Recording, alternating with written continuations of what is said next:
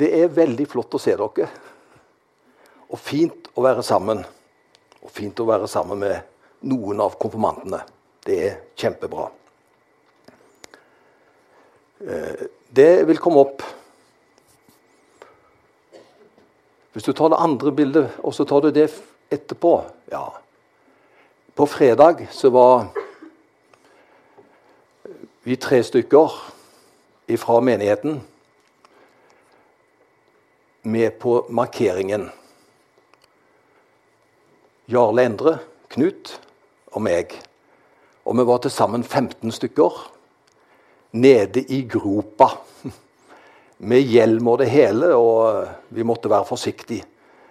16 meter ned under gatenivå. Og der var det en veldig flott markering. Eh, og da er det på en måte grunnsteinsnedleggelsen på den svære høyhuset som eh, de lovte på fredag at vi holder ruta. Og ifølge ruta så skal det da være innflytningsklar siste kvartal neste år. Så det vil jo gå fort når de nå virkelig eh, begynner å bygge. Og Det som eh, jeg fikk lov til å gjøre da, det var forresten vårt initiativ å legge ned en grunnstein.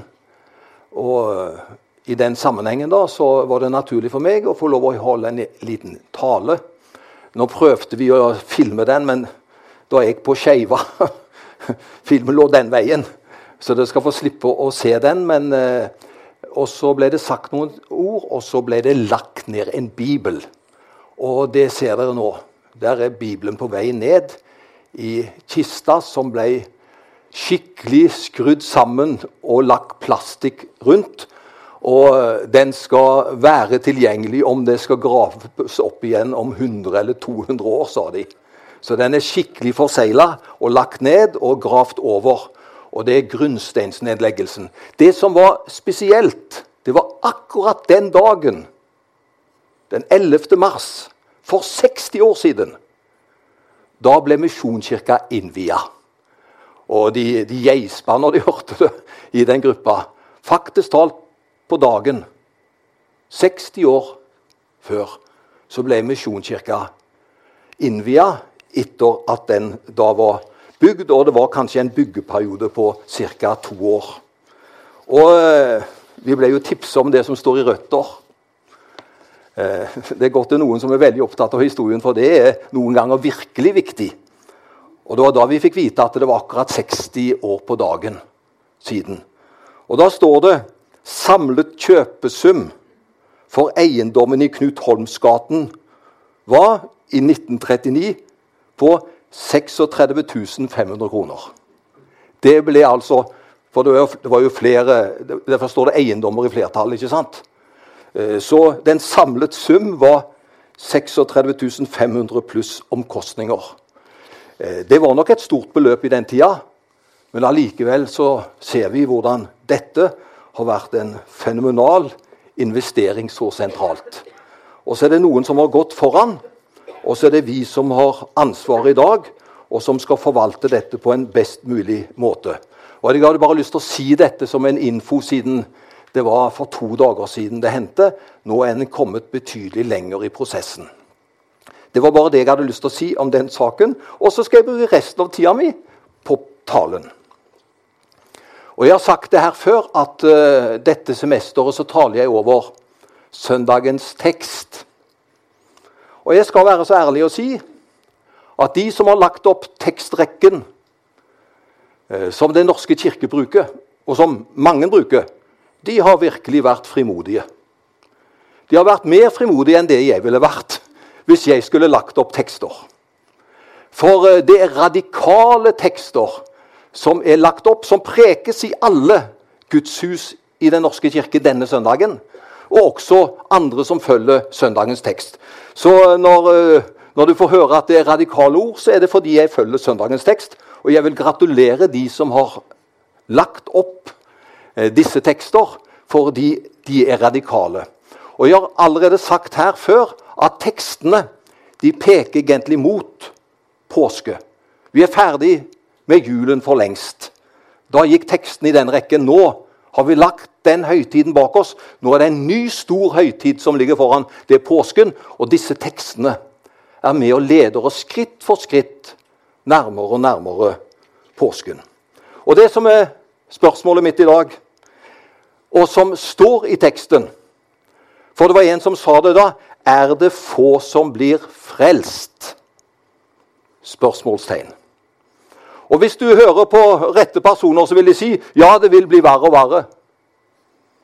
Og til slutten så blir det vel nesten ingen tilbake. Fordi vi vil vel bli influert av utviklingen og tiden. Og hvem kan da bli frelst? Og jeg har vært til stede i sammenhenger hvor det er malt veldig svært for framtiden, og du nesten lurer på om du blir frelst sjøl. Fordi det er sånne sterke toner. Jeg håper vi skal gå ut av gudstjenesten i formiddag med troen på at mange skal bli frelst. At vi skal få oppleve å være til velsignelse der hvor Gud har satt oss. Men allikevel så skal vi ta teksten på alvor, for vi lever i utfordrende tider. Og Derfor ble den, det spørsmålet stilt er det få som blir frelst. Og Nå skal jeg lese teksten, og så skal jeg si litt om den etterpå. Den står i Lukas 13, vers 22 til 30. Lukas 13 fra vers 22 i Jesu navn. Jesus gikk gjennom byene og landsbyene og underviste på reisen mot Jerusalem. Det er mot Jerusalem, ikke sant? Og påske. Da var det en som sa til ham, 'Herre, er det få som blir frelst?' Han svarte dem, 'Kjemp for å komme inn gjennom den trange port.' For jeg sier dere, mange skal søke å komme inn, men ikke være i stand til det. Når først husets herre har reist seg og stengt døren, og dere blir stående utenfor og banke på døren og si, Herre, Herre, lukk opp for oss. Da skal han svare dere, Jeg kjenner dere ikke. Hvor er dere fra? Da skal dere begynne å si, Vi spiste og drakk sammen med deg, og du underviste i gatene våre. Men han skal svare, Jeg sier dere, at jeg kjenner dere ikke. Hvor er dere fra? Gå bort fra meg, alle dere som gjør urett. Det skal bli gråt og tenners gnitsel når dere ser Abraham, Isak og Jakob og alle profetene i Guds rike, mens dere selv er kasten utenfor. Og så kommer det verset som virkelig har håp i seg, og som jeg syns er så fint med evangeliet. De skal komme fra øst og vest fra nord og sør og sitte til bords i Guds rike. Se, noen av de siste skal bli de første, og noen av de første skal bli de siste. Slik lyder Herrens ord. Velsign ordet for oss. Amen. Dette er en vanskelig tekst. Det som jeg får høre i norsktimen på skolen Dette skal du skrive en stil om. Så du får teksten. Vær så god, Sten. Så får jeg begynne, da. Og talen min blir som en stil i dag. Vi som er født etter annen verdenskrig, har opplevd tre dramatiske ting siden år 2000. Det første var 11.9.2001. Da USA opplevde et omfattende terrorangrep der nesten 3000 mennesker ble drept. Det var en begivenhet som har satt store og dype spor, og som også fikk konsekvenser. Det andre som vi har opplevd, det var pandemien som nådde Norge for nøyaktig to år siden. Da ble de strengeste og mest omfattende tiltak i Norge siden annen verdenskrig innført. Og vi ble sjokka.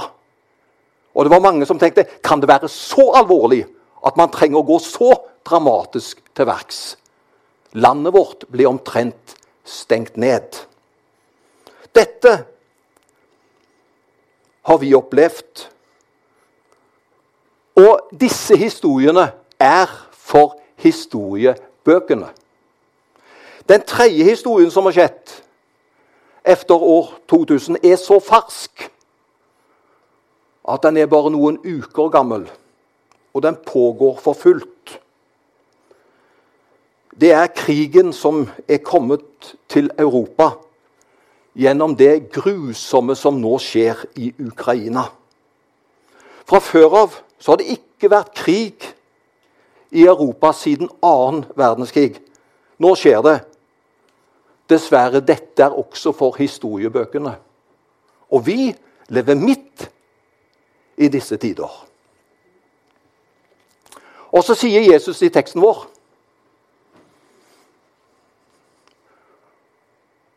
Og jeg har en følelse av at han sier det også til oss i dag.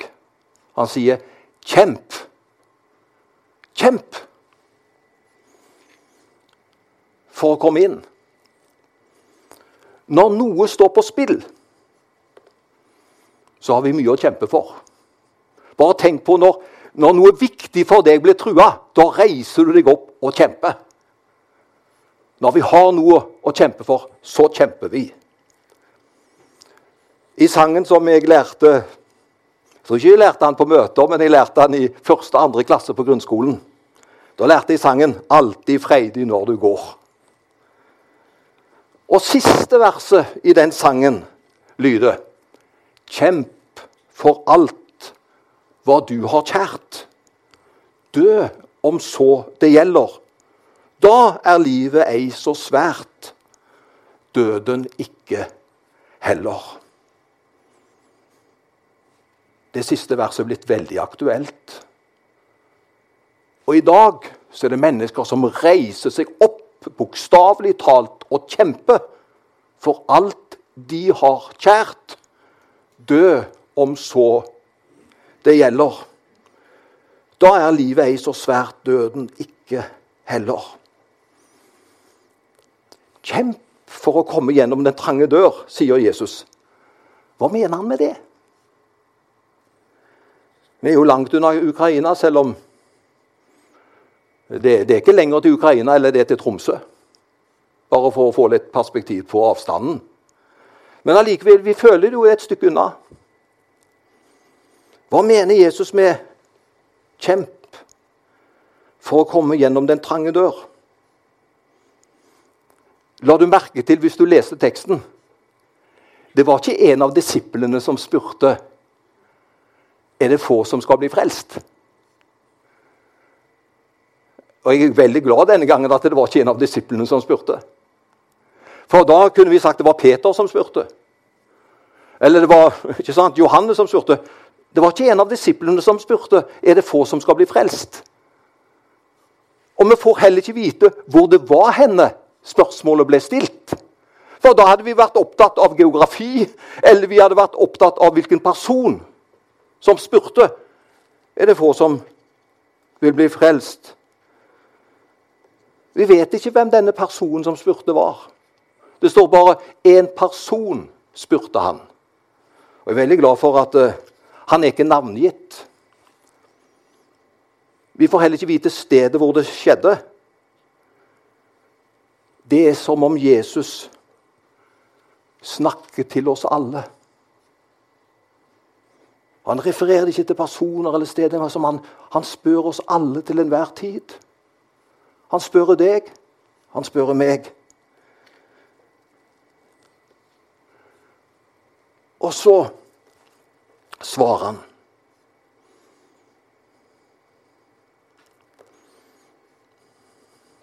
Han vil snakke til alle. I dag vil han snakke til oss om å kjempe. De som Jesus talte til, hør De mente at de hadde alt på stell. Du vet hvem han talte til, altså folkemengden? Det var jødene. Og de kunne ta fram lista si og som de gjorde som de trodde skulle kvalifisere de. De holdt sabbaten. De ofret. De gav tienden av alt de eide. De gjorde ting som uh, Moseloven påbød dem å gjøre, og mange var veldig tilfreds med seg sjøl, for de syntes de hadde alt på stell.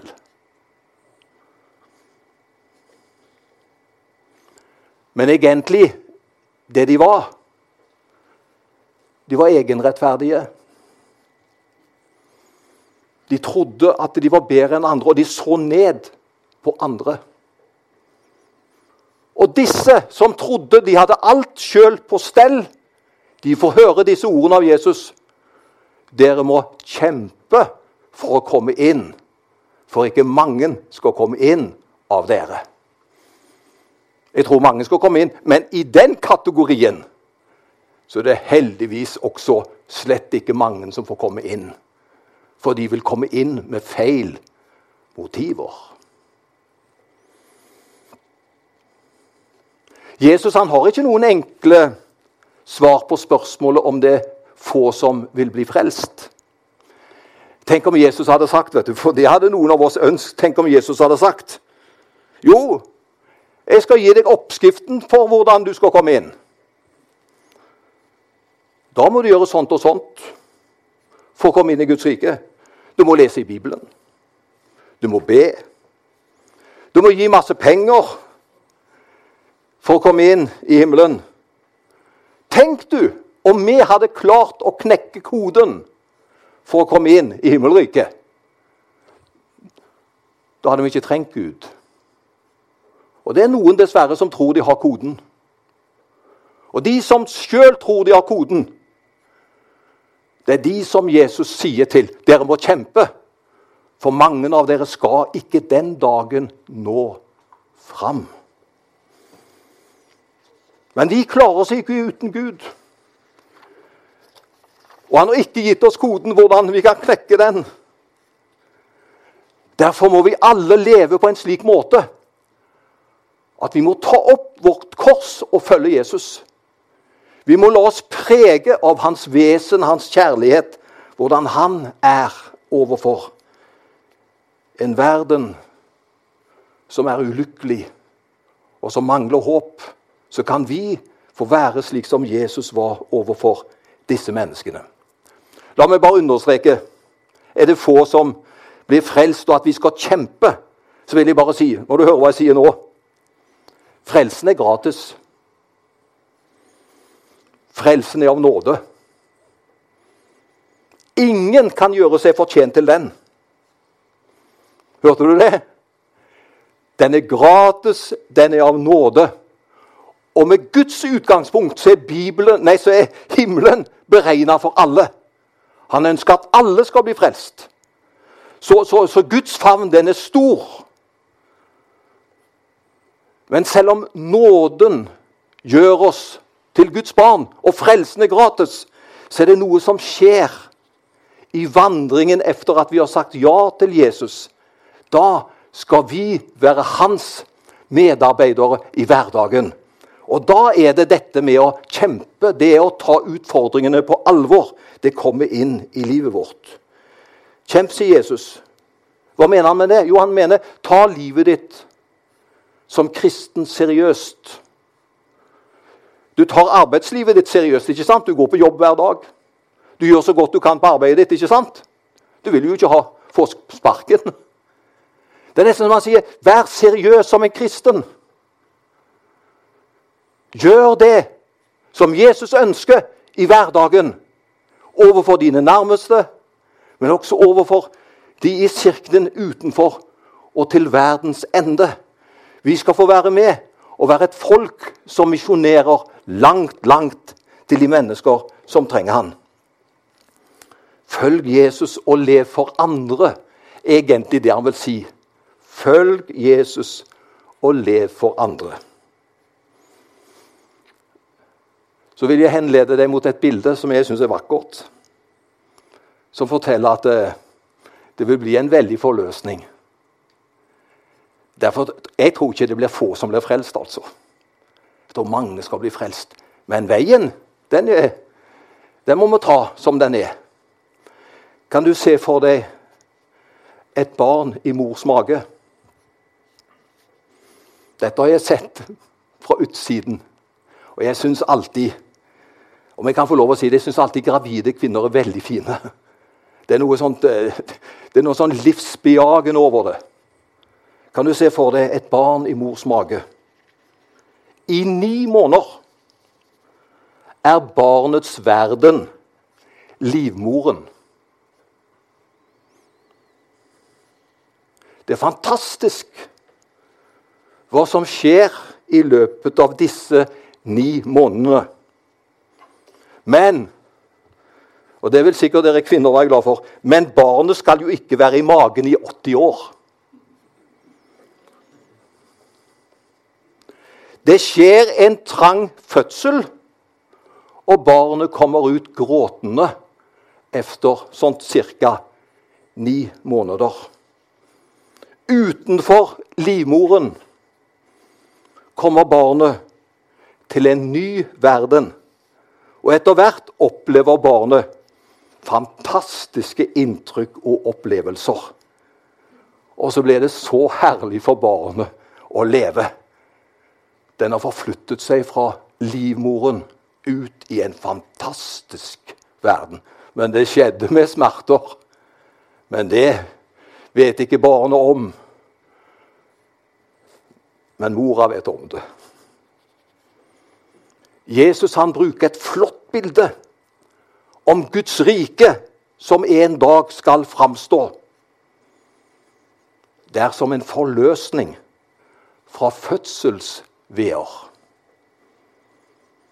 Og så sier Jesus det skal komme mennesker fra øst og vest, fra nord og sør, og sitte til bords i Guds rike.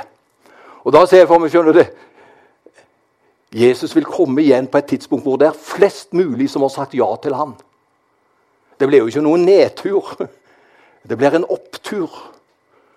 Når vi skal være i evigheten sammen med Jesus, så er det sånne fantastiske perspektiver som er tegnet i den forbindelse. Og jeg tror at vi kan få være med at mange skal bli frelst. Guds rike vokser i dag. For lenge siden har jeg hørt at det er over 100 millioner mennesker i Kina som har sagt ja til Jesus. Vet du hvilken land kristendommen har størst framgang i? Men det har skjedd under radaren. Det er av alle land Iran. Tenk hvordan de myndighetene der er i forhold til kristentroen.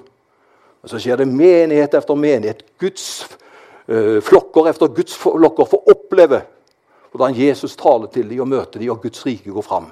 Det skjer fra land til land. Det har aldri vært så mange kristne på denne jord som er bekjennende enn nettopp i dag. Og Derfor vil jeg ikke stille spørsmålet er det få som blir frelst.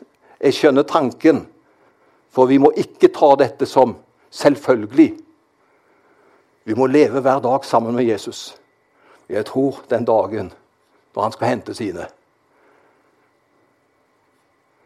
så skal vi få se folkeslag som vi kanskje aldri hadde hørt om engang. Fra stammer og forskjellige steder. Men de har hørt evangeliet og har tatt imot Jesus. Og dette er vi en del av. Men teksten i dag sier la oss kjempe. La oss stå opp for Jesus og de gode verdiene, verdiene vi finner i Bibelen. La oss være frimodige kristne. Og det er min sluttappell i dag. La oss være frimodige kristne der hvor han har satt oss. La oss fortelle andre om at Jesus elsker alle mennesker. Og han vil at alle skal bli frelst. Vi går imot Jerusalem. Og heldigvis han døde for alle mennesker. Skal vi be. Takk, Herre,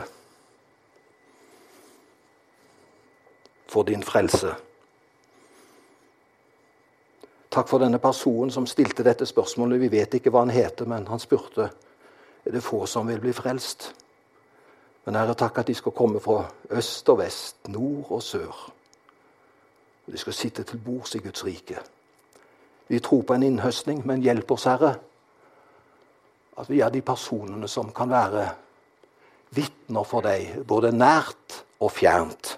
Takk for ditt nærvær i Jesu navn. Amen.